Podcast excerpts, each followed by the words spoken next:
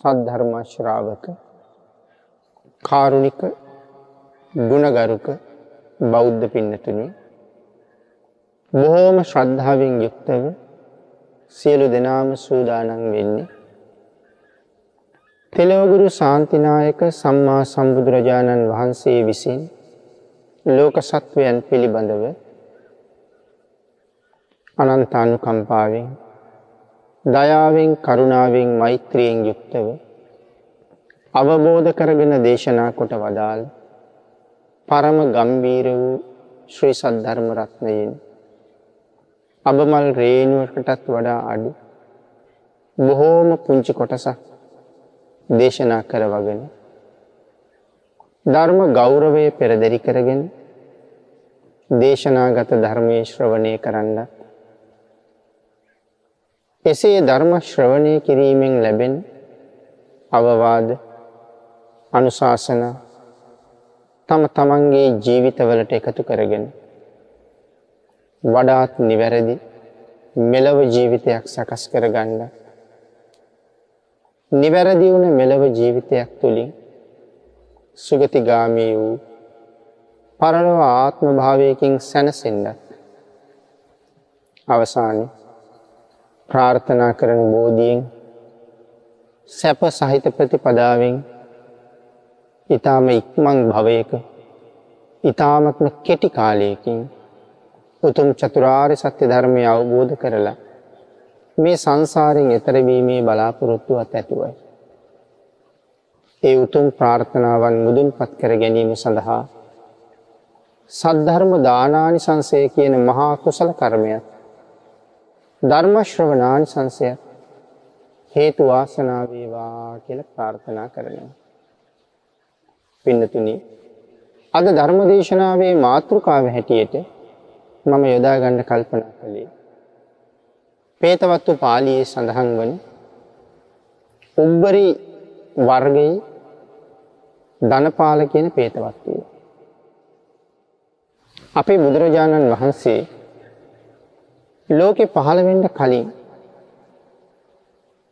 දසන්න කියන රටේ ඒරකච්ච කියන නුවර ධනපාල කියන සිටුවරය ඉඳල තියෙන. මේ ධනපාල සිටුවරය හරීම ලෝබයි. දන් දෙනවට පුද්දුම අකමැත්තක් තියෙන්නේ. ධනපාල සිටුවරයාගේ අදහස දන් දෙන්න දන් දෙන්න තමන්ගේ ධනය ඉවර වෙනවා කියලා. ඒ හින්දා තමන් දන් දෙන්න අකමැති. තමන් අකමැති විතරක් නෙමෙයි වෙනත් දන් දෙන අය දැක්කහම ඔහුට ඇතිවෙන්නේ අමනාපයක්. ආන්ගේ අමනාපේ නිසා දන් දෙන අය ළඟට ගිහිල්ලා බනිනවා. ඇයි ඔය විදිහට වස්තු විනාශ කරගන්න? දන් දුන්නහම කාටද ලැබුණේ? තියෙන වස්තුව විනාශ කරගන්නවා විතරයි කියලා. ඒක පින්නතේ මිත්‍යා දෘෂ්ටියේ හැටි.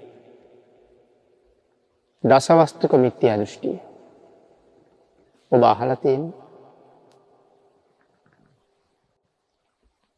මේ සම්මා සම්බුද්ධ ශාසනයට ඇතුල් වෙන්න පුළුවන් වෙන්නේ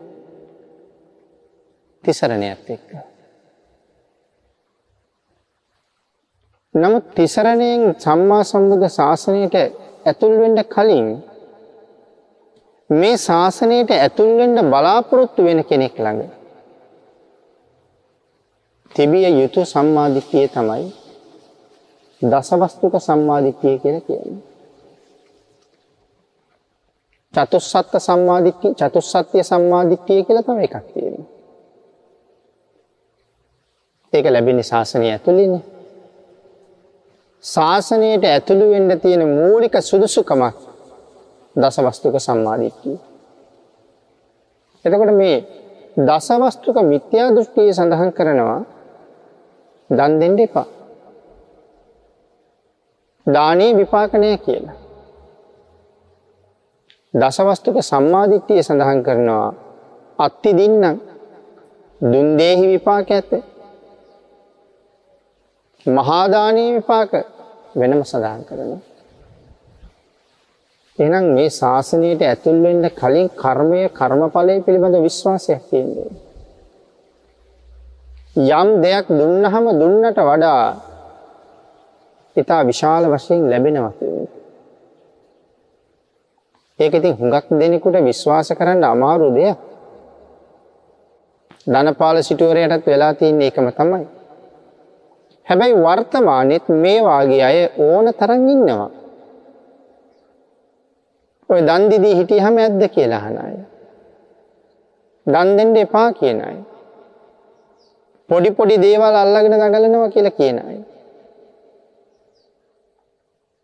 මහ බෝසතාණන් වහන්සේ සමතරින් සත් පාරමීන් සම්පූර්ණ කරන්න සූදානම් වෙනකොට මේ පාරමිතාවෙන් ලොකුම පාරමිතාව හැටියට තෝරගන්නේ දාන පාරමිතාව.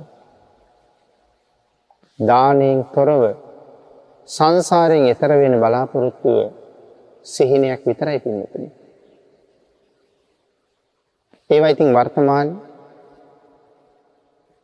පැහැදිලි කරන්න නිවැරදි කරන්න බොහෝ තැන් තියෙනවා. තවත් සමහර අය හිතනවා ප්‍රඥාවමයි වඩන්න ඕනේ කියලා. මේ ශාසනයේ මුල ප්‍රඥාව නෙමෙයි හැබැයි. මේ ශාසනයේ මුල ශ්‍රද්ධාව. සමහර අය හිතාගෙන භාවනා කළාම විතරක් ඇති කියලා. නමුත් අපේ භාග්‍යතුන් වහන්සේ කරුණ දක්වනකොට නිවන් දකින්න තියෙන ක්‍රමවලින් එකක් විතරයි භාවනාව කියලා දක්වන්නේ. තව කරුණ කීපයක්ම පෙන්නලා තියෙනවා. ඒ නිසා පින්නතුනේ මේ දාණය අපිට දුන්න ගමන් පේන්නේ නැන්නේ ලැබෙනවා කියලා. දක්කින විභංගාදී සූත්‍ර දන්නවනම් දානය කොයිතරම් මහත්ඵලද කියන එක වැටහෙනවා. අනිත් කාරණාව තමයි පින්නතුනි. අපිට හොඳ විශ්වාසයක් තියෙනවා. වෙන කොහෙන් හරි අපේ ගිණුමකට සල්ලි දැම්මහම අපිට මෙහෙන් සල්ලි ගන්න පුළුවන් කියලා. අපි කියමු පිට රටින් කියලා. පිට රටින් සල්ලි දැම්මහම ලංකාවෙන් ඒ දාපු සල්ලි ගන්න පුළුවන්. ඒක අපිට හොඳට විශ්වාසයි. හැබැයි ඒ සල්ලි ලංකාවට එන්නේ කොහොමද කියලා අපි දන්නේ බැංකු ක්‍රමය ගැන කිසිම දෙයක් අපි දන්නේ මොකද එහෙන් දාන සල්ලි කොළම නෙමෙයිනේ මෙහාට එන්නේ. එහෙම සල්ලි එන ක්‍රමයක් නමුත් තියෙනවා. එහාට මුදල් දැම්මම අපේ ගිණුමට මුදල් බැර වෙනවා. හැබැයි අපි දාපු සල්ලි කොළ කොහෙන්වත් ඇවිල්ලා නැහැ. ඒ ගාන ඇවිල්ලා තියෙනවා. ඒක පිළිගන්නවා ඒක විශ්වාසයි. උගත් නූගත් හැමෝටම විශ්වාසයි. හැබැයි මෙලවින් දන් දුන්නාම සිය දහස් ගුණයෙන් ගුණ වෙලා පරලොවින් ලැබෙනවා කියන එක පිළිගන්න තරම් ශක්තියක් නැහැ. සම්මා දිට්ඨියක් නැහැ. මේ ධනපාල කියන සිටුවරයත් ඒ නිසා දන් දෙනවා කියලා කියන්නේ තමන්ගේ ධනය විනාශ කරන වැඩක් නේද කියලා හිතුවේ. සිල් ගන්නවට කැමති නෑ. කර්මය කර්මඵලය පිළිබඳව කිසිම පිළිගැනීමක් මොහු ළඟ තිබුණේ නෑ. මිනිස්සු දන් දෙන්න හදාපු දානශාලා යන්නේන මගියන්ට පැන් බොන්න හදාපු පැන්ශාලා ඇලෙන් දොලෙන් ගඟෙන් එතර වෙන්න හදාපු ඒ දඬු පාලම් මේ සිටුවරයක් කඩලා බිඳලා විනාශ කරලා දානවා. ඒ වැඩක් නෑ කියලා. මෙහෙම කර කර ඉඳලා ධනපාල සිටුවරයා මැරිලා ගියා. මැරිලා ගිහිල්ලා වැලි කාන්තාරයක ප්‍රේතෙක් වෙලා ඉපදුණා. සඳහන් කරනවා තල් ගහක් වාගේ උසයි කියලා. ඊටාම විරූපී පෙනුමක් තියෙනවා. කෙසඟ වෙලා ඇට නහර ඉලිප්පිලා තියෙනවා. පපු ඉලයට කෝටු ඉහලටම මතුවෙලා. දකිනකොට බය හිතෙනවා. පින්නතුනි අපේ බුදුරජාණන් වහන්සේ පස්සේ කාලේ ලෝකෙ පහළ වුණා. මේ ධනපාල සිටුවරයා ඉන්න කාලේ භාග්‍යතුන් වහන්සේ වැඩ හිටියේ නෑ. හැබැයි ඉතින් භාග්‍යතුන් වහන්සේ ලෝකෙ පහළ වෙන්න ආසන්න කාලේ තමයි මේ සිටුවරයා ඉඳලා තියෙන්නේ. ඉතින් භාග්‍යතුන් වහන්සේ සිද්ධාර්ථ බෝසතාණන් වහන්සේ ලෝකෙ පහළ වෙලා අවුරුදු 29ක් ගිහි ගෙදර ආයු වළඳලා ගිහි ජීවිතය ගැන කලකිරිලා අභිනිෂ්ක්‍රමණය කරලා ලෞතර බුද්ධත්වය ලබලා ලෝක සත්‍යයට දහම් දේශනා කරලා තව තව ලෝ සතුන් සුවපත් කරව කරව වැඩ ඉන්න කාලේ සවැත් නුවර ජීවත් වෙච්ච වෙලෙන්ද පිරිසක් ගැල් සාත්තුවක් අරගෙන වෙළඳාම යන්න ලෑස්ති වෙනවා. ඔවුන් වෙළඳාමට පිටත් වුණා. තමන් වෙළඳාම් කරන්න යන උතුරු ප්‍රදේශයට ගිහිල්ලා සියලුම බඩු බාහිරාදිය විකුණුවා. ලැබිච්ච මුදල් වලින් ආපහු සවැත් නුවරට ගේන්න නොයෙක් බඩු මුට්ටු එහින් අරගෙන ගැල් පුරවා ගත්තා. දැන් ආපහු එන ගමන. මේ කාන්තාරේ හරහා තමයි ආපහු එන්නේ. එක්තරා ජලය වියලුන ගඟක් ළඟ ඔවුන් එදා රාත්‍රිය ගත කරන්න තීරණය කළා. සියලු දෙනාම විය කර ලෙහලා ගවයෝ ටික බැඳලා රතවලින් ආහාරය ඇයට දීලා තමනුත් විවේක අරගෙන ගඟ අසබඩ ඉන්න වෙලාවේ මේ ධනපාල ප්‍රේතයා සා පිපාසාවෙන් පීඩාවට පත් වෙලා වතුර ටිකක් හොයාගෙන මේ ගඟ ගාවට ආවා. ගඟේ වතුර නෑ ගඟ සම්පූර්ණයෙන්ම හිඳිලා. මෙයාට පිපාසාව දරා ගන්න හරි අමාරුයි. මොහු ගඟ ළඟ ඇද වැටුණා. පින්නතුනි අර වෙළඳ පිරිස මේ ප්‍රේතයව දැක්කා. සාමාන්‍ය මිනිස්සුන්ට ප්‍රේතයෝ පේනවා අඩු. නොපෙනෙනවමත් නෙමෙයි මං හිතන්නේ. සමහර අය පේනවා දකින්නවා කියලා කියනවා. කෙසේ වෙතත් මේ පිරිසත් ධනපාල ප්‍රේතයව දැක්කා. ඉතින් ඒ දැකීම මේ කරුණ අපිට දේශනා කරන්න ඒකට මූලාරම්භයක් අරගන්න හේතුවක්ම වෙන්නත් පුළුවන්. කෙසේ වෙතත් මේ අය ප්‍රේතයා ළඟට ගියා. ගිහිල්ලා කතා කළා. කතා කරාම ප්‍රේතයා තමන් ගැන විස්තර ටික කිව්වා. මට බඩගිනි. ඒ වගේම තමයි මට හරි තිබහයි. මේ වෙනකොට මම 55 අවුරුද්දකින් බත් උලක්වත් කටේ තියලා නැහැ. 55 අවුරුද්දක් එක වතුර බින්දුවක් බීල නැහැ. අවුරුදු 55ක්ම සාගින්නෙන් පිපාසෙන් ඉන්නේ. එහෙම සඳහන් කරාම අර පිරිස අහනවා ඔබ කොහෙද හිටියේ? කොයි වගේ ජීවිතයක් ගත කරපු කෙනෙක්ද? මම ඒර කච්චනවර දසන්න කියන රටේ ඒර කච්ච නුවර සිටුවරේ කැරියර් තමයි ජීවත් වුනේ. ඒ කාලේ මාව හැඳින්වුවේ ධනපාල කියලා. මට බොහෝසේ ධනෙ තිබුණා. අමුරන් ගැල් 80ක් විතර තිබ්බා. කහවන් ගැල් 80ක් පුරවලා තිබුණා. රංරිදි මුතු වෛදූර්ය මාණික්‍ය මට ඇති තරම් තිබුණා. හැබැයි මම කවදාවත්ම දන් දුන්නේ නැහැ. දෙනවට කැමති වුණෙත් නැහැ. මං දුන්නෙත් නැහැ. අනුන් දෙනවට කැමති වුණෙත් නැහැ. ඒ විතරකුත් නෙමෙයි. මම සිල් රකින්නවට කැමති වුණෙත් නැහැ. දන් දෙන සිල් ගන්න මිනිස්සු මට පෙන්වන්න බැරුව ගියා. මං එයාට චෝදනා කළා. දොස් කීවා. බොරු වැඩ කරනවා කියලා. මටත් හොඳට ධනය තිබිලා මමත් කවදාවත් දන් දුන්නේ. මං හිතුවේ දෙන්න දෙන්න මගේ වස්තුව ඉවර වෙනවා කියලා. දුප්පත් කෙනෙක් යාචකේ මං කෑම කන වෙලාවට. මගේ ගේ ඇසලින් යනවන මං කවදාවත් ඔවුන්ට පේන්ඩ කෑම කෑවෙන ගෙට වෙලා දොරවහගෙනම කෑම කෑව.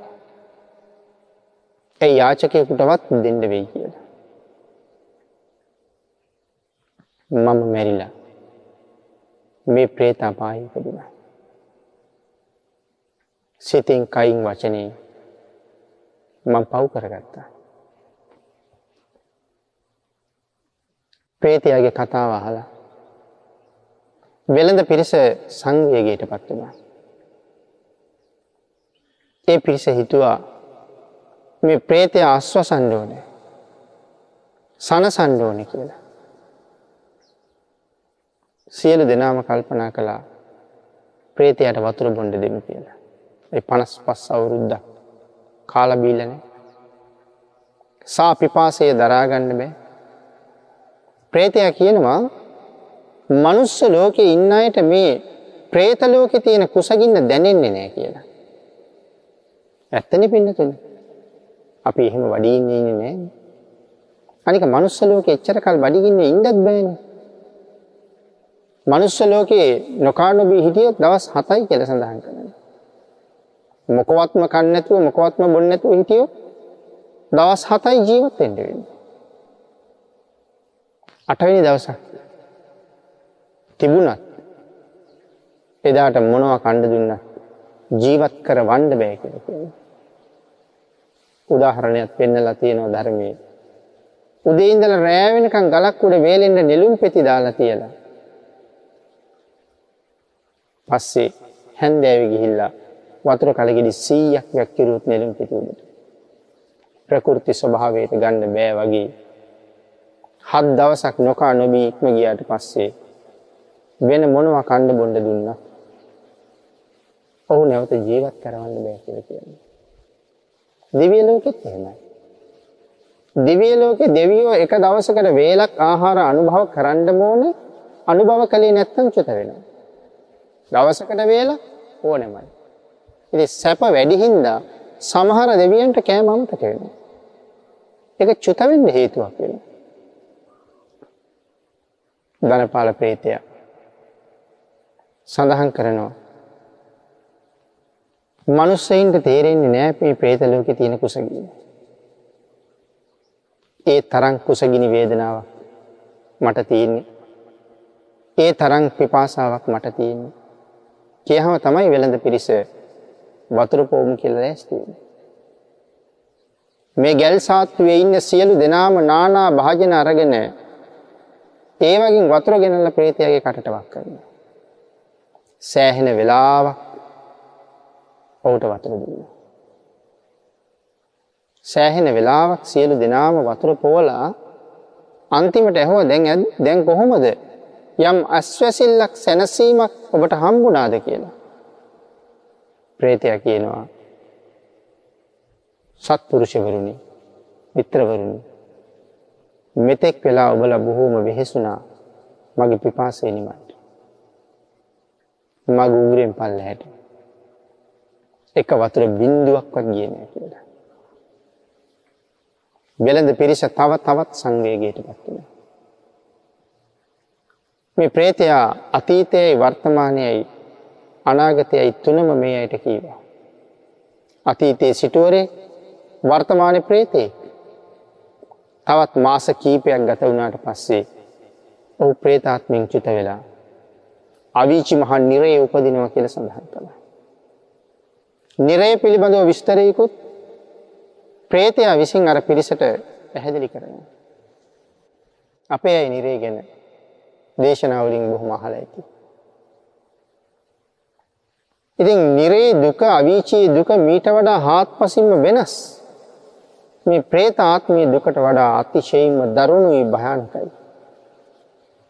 ඒ නිසා പ്രേතයා සඳහන් කරනවා තව මාස කිහිපයකින් එහෙ යන්න තියෙනවා.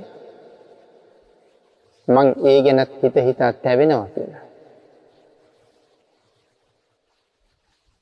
පිරිසට කියනවා කවදාවත් දන් දෙන්නේ නැතුව ඉන්න එපා. කවදාවත් සිල්ගුණ පුරන්නේ නැතුව ඉන්න එපා. පුළුවන් තරම් දන් දෙන්න. දුන්න තරමට තමයි සසරේ ලැබෙන්නේ. ඒ නිසා නොදී ඉන්න එපා කවදාවත්. ඇති තරම් දෙන්න. අවවාද කරනවා. තමන් දිහා බලලා හැදෙන්න කියලා කියනවා. අන්තිමට වෙළඳ පිරිස අහනවා. ඔබ වෙනුවෙන් කළ හැකි දෙයක් තියෙනවද අපට. ප්‍රේතයක් කියනවා. පුළුවන්න බුදුරජාණන් වහන්සේ වැඩ ඉන්නේ. මහරහතන් වහන්සේල වැඩ ඉන්නේ. ඒ බුද්ධාදී රත්නත්‍රයට දන් දීලා. භාග්‍යතුන් වහන්සේ ප්‍රධාන මහා සංඝරයට දන් දීලා. පුළුවන් නම් ඒ පින මට දෙන්න. ඒ පිනෙන් මට සුවපත් වෙන්න පුළුවන්.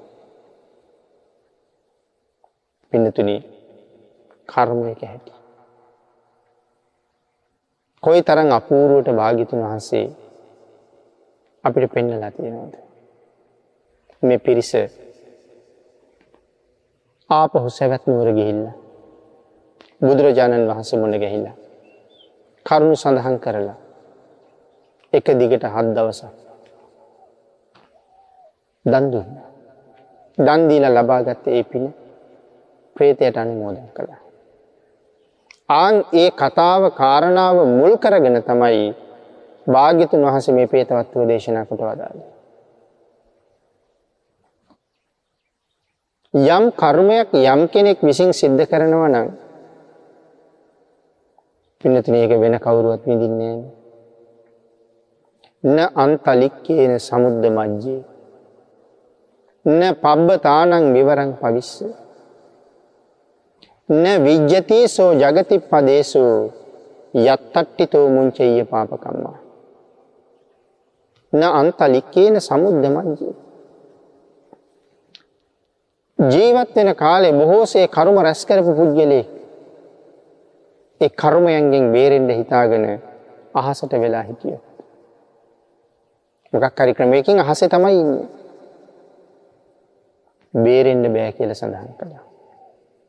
සුදුසු වෙලාවේ ලැබුණහම කර්ම විපාක යාවහම අහස හිටියත් ඵල දෙනවමයි. මහා සාගරයේ මැද්දේ හිටියත් බේරෙන්න ක්‍රමයක් ඇත්තෙම නැහැ. ගිරි ගුහාවක වෙලා හැංගිලා ජීවත් වුණත් බේරෙන්න විදිහක් නැහැ. යමෙක් කර්ම රැස් කළා නම් ඒ පුද්ගලයාට බේරෙන්න මේ ලෝකේ කෙසඟක තරම්වත් ඉඩක් නැහැ. හැංගෙන්න තැනක් ඇත්තේම නැහැ. අනිවාර්යෙන් තමන් කරපු අකුසල කර්මවලට විපාකය තමන්ම විඳින්න ඕනේ. ඒක බාරගණ්ඩ වෙන කවුරුවක්ම නෑ. ඒක තමා සංසාරය හැටි. බුදුරජාණන් වහන්සේ මොන තරං අනුකම්පාවෙන්ද අපිට පින්නතුනි ධර්ම දේශනා කළේ. මොන තරං කාලයක් අපට ධර්ම දේශනා කරන්න මහබෝසතාණන් වහන්සේ දුක් විඳත්. දැන් හොඳට දන්න සුමේද තාපසතුමා බුදුරජාණන් වහන්සේගේ දීපංකර බුදුරජාණන් වහන්සේ දේශනා කරන හතර පද ගාථාවක දෙවනි පදය අහලා තුන්වෙනි පදේ අහන්න කලින් රහත් වෙන්න තරම් සසර පින් කරලා ඉඳලත් එයින් ප්‍රයෝජනයක් ගන්නේ නැතුව නැවත සංසාරයට බැස්සන. ඒ මොකටද? තමනුත් තනියම සංසාරයෙන් එතර නොයා මේ සසර දුක් විඳින අහිංසක සත්වයා අසංඛ්‍ය ගණනින් සංසාරයෙන් එතර කරලා තමන් වහන්සේත් එතර යනවා කියන බලාපොරොත්තු වෙනවා. එදා නිවන අත්හැරපු නිසා කොච්චර කල් අපායේ දුක් විඳද? තිරිසන් ලෝකවල මොන තරම් දුක් විඳද? මනුස්ස ලෝකෙ ඉපදිලා කොයි තරන්නම් දුක් විඳ. ඒක දුකක්වත් තියෙනවද? එදා රහත් වුණා නම්. එහෙමනම් කරුණාව මෛත්‍රිය නිසාම නේද? තමන්ගේ නිවන අත්හැරලා අන්‍යයන්ගේ සුභ සිද්ධිය දිහා මේ බලලා තියෙන්නේ. ඒ තරම් දුක් විඳලා දුක් විඳලා මේ ධර්මය අපට දේශනා කරාම අවබෝධ කරගත්ත ධර්මය. ඒක පිළිගන්න අපි සූදානම්ත් නැහැ. නොඑක් කතා කියනවා. නොඑක් හේතු කියනවා. නොඑක් සිද්ධීන් මවපානවා. සමහර අය පරීක්ෂණ කරනවා. ගවේෂණය කරනවා. මේක මෙහෙමද? මේ කියලා තියෙන දේ හරිද? පින්නතුනි නිර්මල ධර්ම පර්යාප්තිය සම්බන්ධයෙන් නම් වෙන ගවේෂණය කරන්න නිරීක්ෂණය කරන්න නිගමන දෙන්න තරම් සමතෙක් මේ තුන් ලෝකේ කොහෙවත් නැහැ. කල යුතු සියලුම පරීක්ෂා කිරීම කරලායි තියෙන්නේ. නිරීක්ෂණය කරන්න ඕන තරම් නිරීක්ෂණය කරලායි තියෙන්නේ. නිවැරදිම නිගමනයකට ඇවිල්ලයි අපිට ධර්ම දේශනා කරලා තියෙන්නේ. තවත් විදිහකට කිව්වොත් අපිට පරීක්ෂා කරන්න දෙයක් ඇත්තම නෑ. භාග්‍යතුන් වහන්සේ ආර්ය පරිශ්‍රණය කරලා තියෙනවා. අන්න ඒක නිසා නිවැරදිව නිර්මලව දේශනා කරපු ධර්ම රත්නය තුල මෙලව ජීවත් වෙන්නේ කෙසේ කටයුතු කළ යුතුද කියලා දේශනා කරලා තියෙනවා නම් ඒ අවවාදයට කීකරු වෙන්න ඕනේ.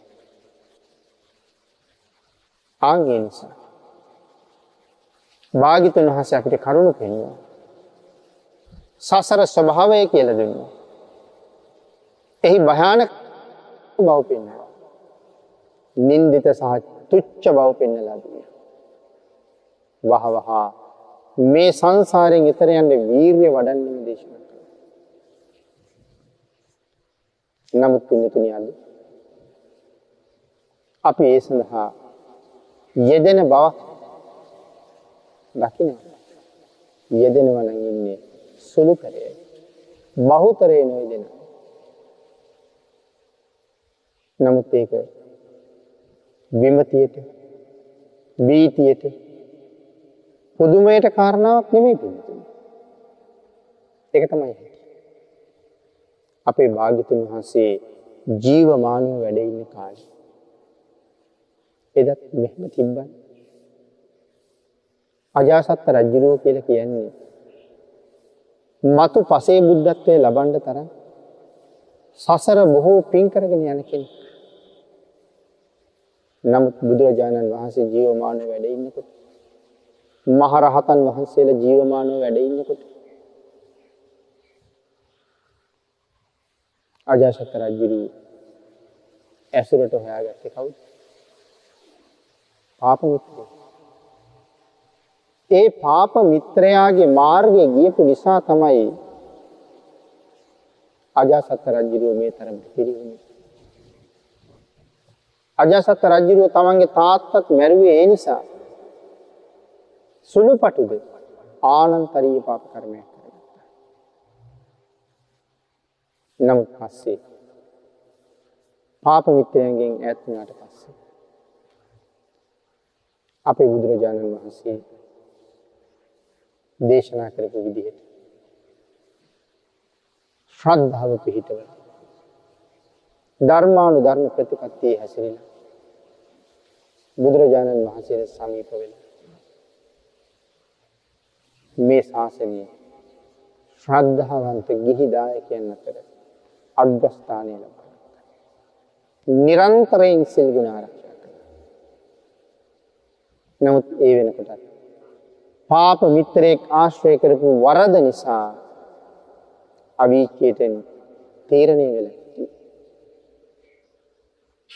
ආනන්තරීය කර්මය නිසා. නමුත් Taman බොහෝ සේපින් කරපු නිසා. ශාසනයේ ගිහි ශ්‍රද්ධාවන්ත අග්‍රතම පුද්ගලයා බවට පත් වෙනවා. ගිහි ශ්‍රද්ධාවන්තයින් අතර අග තනතුර තමයි තියෙන්නේ. පස්සේ කාලේ කොච්චර පින් කළාද දේවදත්ත සක්‍ර දේවේන්ද්‍රයන් වහන්සේ ඇවිල්ලා සඳහන් කරනවා ස්වාමීනි මනුස්ස ලෝකේ මෙච්චර පින් කරන කෙනෙක් මම දැකලා නැහැ. ඒ තරම් පින්කම්. නමුත් බලන්නකෝ අර පාප මිත්‍රයාට අහු වෙලා වෙච්ච වැඩේ. මේ කොච්චර පින්කම් කළත් ඒකෙන් සම්පූර්ණයෙන් ගැලවෙන්න බෑනේ පිළිතුරු. අන්න ඒ නිසා එදා කාලෙත් එහෙම වුණා නම් අද ධනපාලලා වගේ අය ඉන්නවා කියන එක පුදුමයක්ද පිළිතුරු. ඒක කොහොමත් පුදුම සහගත වෙන්න කාරණාවක් නෙවෙයි. ඊළඟට නත්ති මේ සරණං අඤ්ඤ බුද්ධෝ මේ සරණ බුදුරජාණන් වහන්සේ හැර මට වෙන සරණක් කියන මේ ප්‍රකාශය තුළ හරියටම පිහිටපු අය. කොච්චර ඇද්දාද මේ ප්‍රකාශය තුළ හරියටම පිහිටලා ඉන්නවද නැද්ද කියන කාරණාව. ඕන්නම් ඉතින් මේ කාලේ හොඳට බලාගන්න පුළුවන්. එක දිගට ගුණ පුරන භාවනා වඩන මහ උතුම් අය. එවන් අය පව. මේ කාලේ තව තව සරණ හොයනවද කියලා හිතෙනවා. නත්ති මේ සරණං අඤ්ඤ. බුද්ධෝ මේ සරණං. ගැඹුරු ප්‍රකාශය අති ගැඹුරු ප්‍රකාශය හරියට මේ මත පිහිටන්න වරදින්නේ නැහැ කවදාවත් පින්තුනි අපේ භාග්‍යතුන් වහන්සේ අපිට දේශනා කළා නිත්‍ය වූ සීලයක් හැම කෙනෙකුටම අවශ්‍යයි කියලා. සීල සංවරයක් ඕන. ඉන්ද්‍රිය සංවරයක් ඕන. මේ සීල සංවරය, ඉන්ද්‍රිය සංවරය, ධර්මයේ පිළිබඳව මන අවබෝධය. යම් කෙනෙක් ළඟ තියෙනවා ඔහු කෙලෙස් නින්දෙන් නිදන්නේ නැති කෙනෙක්. කෙලස් තියෙනවා. කෙලස් තියෙනවා වුණාට ධර්මානු ධර්ම ප්‍රතිපත්තියේ මනාව හැසිරීලා ඉන්න නිසා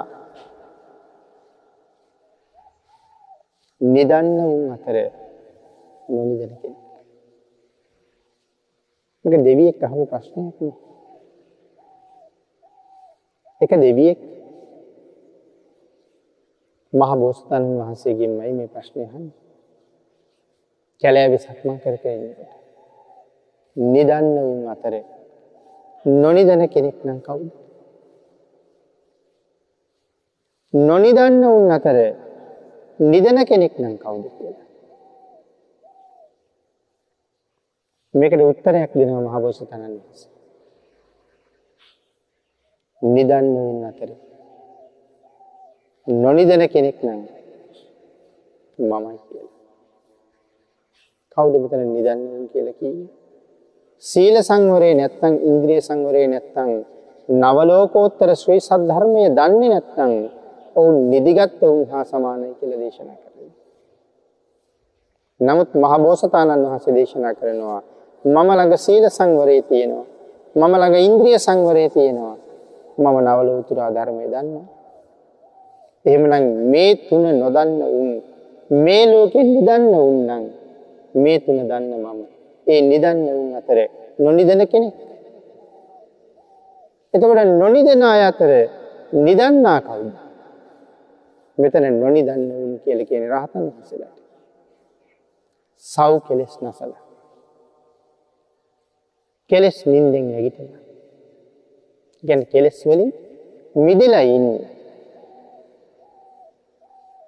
නමුත් මම මහ බෝසතාණන් වහන්සේ මේ කියන්නේ. මම තාම සව් කෙලස් නැසලා නැහැ. සියලු කෙලස් ප්‍රහීණය කරලා කෙලස් නින්දෙන් අවදි වෙලා ඉන්න. ඒ මහෝත්තමයණන් වහන්සේලා අතර මම එතෙන්ට ඇවිල්ලා නැති නිසා. ඒ නොනිදන්න උන් අතරේ මම නිදන කෙනෙක්. මම හිතනවා කාරණාව පැහැදිලි කියලා. එතකොට මේ කාලේ අපි අතර සීල සංවරය කොච්චරද කියලා හොයලා බලන්න ඕනේ. සීල සංවරය කොච්චරද? ඉන්ද්‍රිය සංවරය කොච්චර කොච්චර තියෙනවද? නවලෝකෝත්තර ධර්ම රත්නය දන්නවද? සීල සංවරය ඉන්ද්‍රිය සංවරය නැත්තම් නවලෝකෝත්තර ධර්ම රත්නය නැත්තම් දන්නේ නැත්තම් අපි නිදිගත්ත උන් වගේ කියලා කියන. බලන්න ගමන කොච්චර දුරද කියලා. එතකොට අපි ඒ දීර්ඝ මාර්ගයට අවතීර්ණ වෙනවා. සසර මග කෙරවල කරන ඒ දිගු මගට අවතීර්ණ වෙලාද කියලා අපි අපෙන් අහන්න ඕනේ නැද්ද එතකොට? අපි ඒක අපෙන් අහගන්න ඕනේ. යම් කෙනෙක් ඒ නිසා භාග්‍යතුන් වහන්සේ දේශනා කරපු විදිහට යටත් පිරිසෙන් මේ උතුම් පංච සීලයවත් ආරක්ෂා කරගෙන සීල සංවරය ගොඩනගලා තියෙනවා නම් ඔහුට තියෙන්නේ පින්නතින පුදුම රැකවරණයක්. පුදුම ආරක්ෂාවක්. ඒක අපි බණ අහලා මම හිතන්නේ බොහෝ දුරට අහලා තියෙනවා. ක්‍රියාත්මක කරනවද කියන කාරණාව ඔබ තීරණය අහලා තියෙනවා. මේ සංසාර මාර්ගයේ හරි දීර්ඝයි. සතර අපාය හරි භයානකයි. සතර අපායේ වැටීම නැමැති ආපදාවෙන් බේරෙන්න ඕන නම් මේ රැකවරණය අපි තුල තියෙනවා. තිසරණයයි පන්සිලයි. එහෙනම් මේ සංසාර ගමනේ අපට තියෙන හොඳම රක්ෂණ වලින් එක මොකක්ද? තිසරණයි පන්සිලයි. ඔබේ ජීවිතයේ නොයෙක් තැන්වල ඔබ රක්ෂණය කරලා ඇති මේ පරාණ කූඩුව. පරාණ කූඩුව රක්ෂණය කරලා ඇති. ඒ රක්ෂණයත් එක්ක සසර සතර අපායට නොයන රක්ෂණයත් එකතු කරන්න. ඒක සංසාරේ පුරාම දෙන රැකවරණයක් බවට පත් කරගන්න කටයුතු කරන්න. ඔක පින්නතුනි බුද්ධාන්තරයකනේ කරන්න පුළුවන්. ඔය රක්ෂණය හැම කාලෙම දාගන්න හරි අමාරුයි. මහා ප්‍රඥයන්ට පුළුවන් වෙයි සාමාන්‍යයට. වැඩි පිරිසක් ඉන්නේ බැරි අයනේ. බුදුරජාණන් වහන්සේ පහළ වෙලා ධර්මයේ දේශනා කරලා සසර භයානක බව පෙන්නලා තියෙනකොටත් තාමත් සසරින් මිදෙන්න කල්පනාවක්වත් නැති අය අපි අතර වැඩි. ඉතින් එහෙනම් බුද්ධාන්තරයේත් මේ රක්ෂණය දාගන්න මතක් නොවන අය අබුද්ධෝත්පාද කාලේ කොහොම මතක් කරන්නේ? ආන් ඒක නිසා මේ අවස්ථාවෙන් මේ ප්‍රයෝජන ගන්න උත්සාහ කරනවා. අපි මේ වෙනකොට සංසාරේ හුඟක් පව් කරපු අයනේ පින්නතුනි. දිසෝ දිසං යන්තං කෛරා වේරී වාපන වේරී. එයි මේ දිසෝ දිසං යන්තං කෛරා කියලා කියන්නේ. හොරෙක් හොරෙකුට යම් අපරාධයක් කරනවද? ඒක ඊටාම විහිසුනුයි. ඇයි මෙතන හොරෙක් හොරෙකුට කරන අපරාධය කියලා ගන්නේ? පින්නතුනි දරුණු හොරෙක් තවත් එවන් හොරෙක් අහු වුණාම සුළුපටු දඬුවමකින් අත්හරින්නේ වද දෙනවා දෙන්න උපරිම. ඒ වද දෙනකොට කොච්චර දේවල් කරන්න පුළුවන්. ඇඟිලි ටික කපන්න පුළුවන්. අතේ ඇඟිලි ටික කපන්න. අත කපන්න නැතුව ඇඟිලි කපහම වේදනාවක් නැද්ද?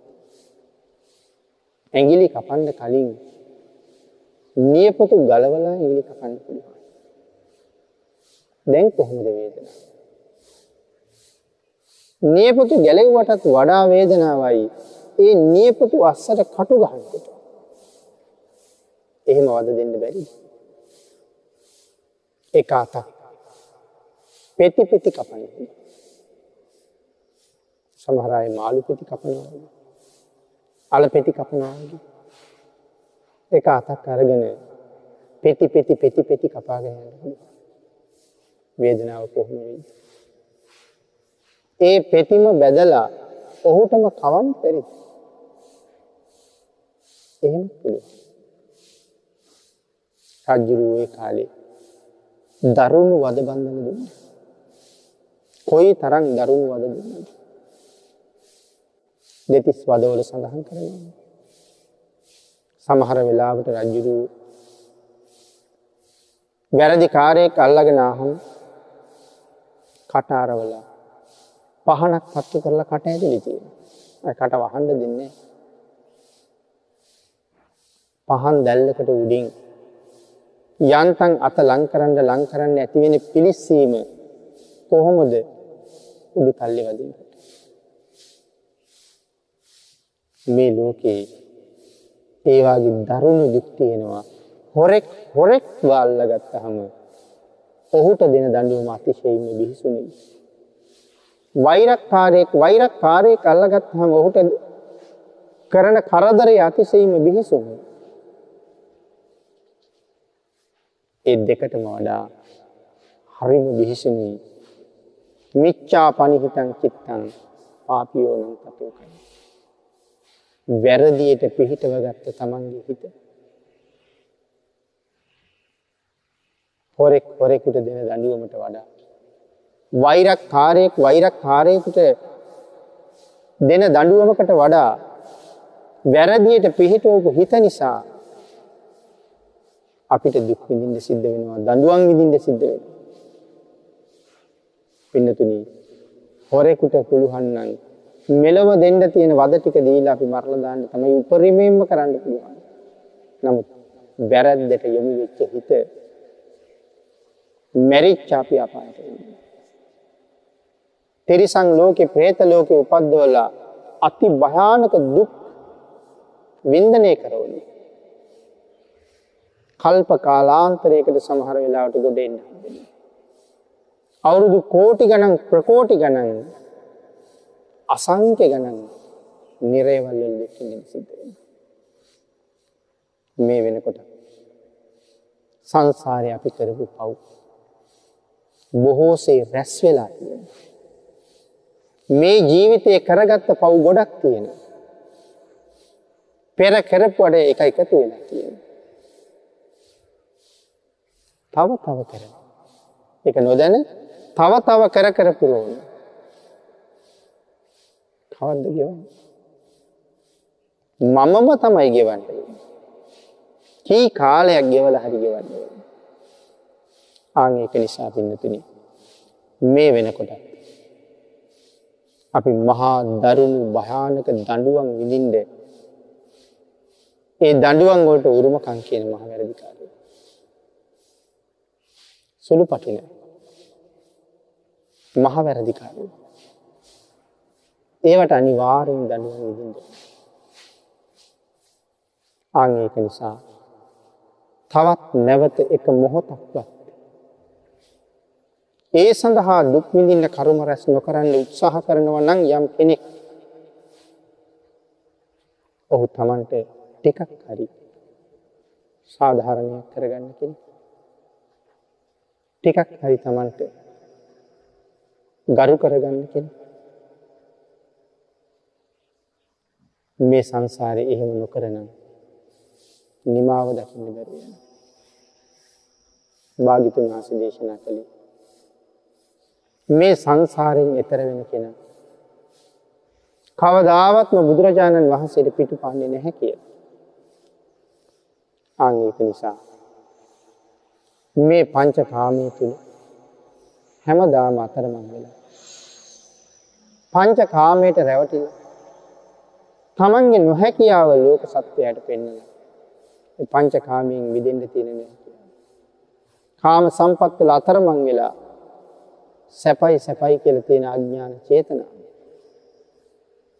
තමන්ගේ නොහැකියාව සාමාන්‍ය ලෝකයට නම් එක නොහැකියාව කියලා පේන්නේ සාමාන්‍ය අය දකින්නේ ඒක හැකියාව කියලා. නමුත් ආර්යයන් වහන්සේලා දකින්නේ අපිට තියෙන නොහැකියාව කියලා. අන් ඒක නිසා ඒ නොහැකියාවෙන් මිදෙන්න සසර මඟ සුවපත් කරගන්න පුළුවන්. උතුම් මගක ගමන් කරලා ධනපාල සිටුවරයා වගේ පස්සේ මැරිලා പ്രേත ලෝකයට නොයා. සතර අපායට නොයා. සුගතියෙන් සුගතියට යන්න වැඩ පිළිවෙලක් හදා ගන්නවා නම් ඒකට තියෙන හොඳම කාලෙම තමයි මේක. හොඳම කාලෙ මේක. කවුරුවත් හිතන්න එපා ධනය නිසා, බලය නිසා, කුලය නිසා, උගත්කම නිසා අපිට රැකවරණයක් තියෙයි කියලා. ඔබට මතකද? තෝදෙය බ්‍රාහ්මණය. එදා රටේ හිටපු ආර්ථික විශේෂඥය. මැරිලා කොහෙද ඉපන්නේ? සුනකෙක් වෙලා. හැමෝම ගරු කරපු රජුගෙන් ප්‍රශංසා ලැබපු රටේ හිටපු ආර්ථික විශේෂඥයා මැරිලා සුනකෙක් වෙයි කියන කාරණාව තෝදෙය බමුණගේ පුතා විතරද පිළිගන්නේ නැත්තේ? නෑ. ඔහු පිළිගත්තේ. තවත් නොපිළිගන්න අය ඕන තරම් ඉන්නවා. නමුත් ඒ සුනකයා තෝදෙය කියන කාරණාව භාග්‍යතුන් වහන්සේ කළා. ආන් ඒ වගේ අවස්ථා කොයිතරම් තියෙනවද ධනපාල සිටුවරයා ප්‍රේතෙක් වෙයි කියලා ඒ කාලේ හිතන්නේ නැද්ද? එහෙනම් ඔබ දැනට තීරණය කරලා තියනවාද ඔබ ප්‍රේතෙක් වෙයි කියලා? ඔබ නිරේටයයි කියලා. ඔබ තිරිසනෙක් වෙයි කියලා. ඔබ ඉහෙඳ මැස්සෙක් වෙයි කියලා. මේ හරකෙක් වෙලා උපදී කියලා. මදුරුවෙක් කොඳුරුවෙක් වෙයි කියලා හිතලා තියෙනවා. නැතුව ඇති. නමුත් වෙන්න තියෙන ඉඩ කඩ 100ට 100. ආන් ඒක නිසා ශ්‍රේෂ්ඨ මනුෂ්‍ය ජීවිතය උතුම් බුද්ධාන්තරය නිර්මල ධර්මයක් ලැබිලා තියෙන වෙලාවේ එයින් ප්‍රයෝජන අරගෙන තුනුරුවන්ට කීකරු වෙලා සංසාරින් උඩුගම් බලා යන්න කටයුතු කරන්න. ඔබට ශක්තිය ධෛර්යය භාග්‍ය වාසනාව උදා වේවා කියලා ආශිර්වාද කරනවා.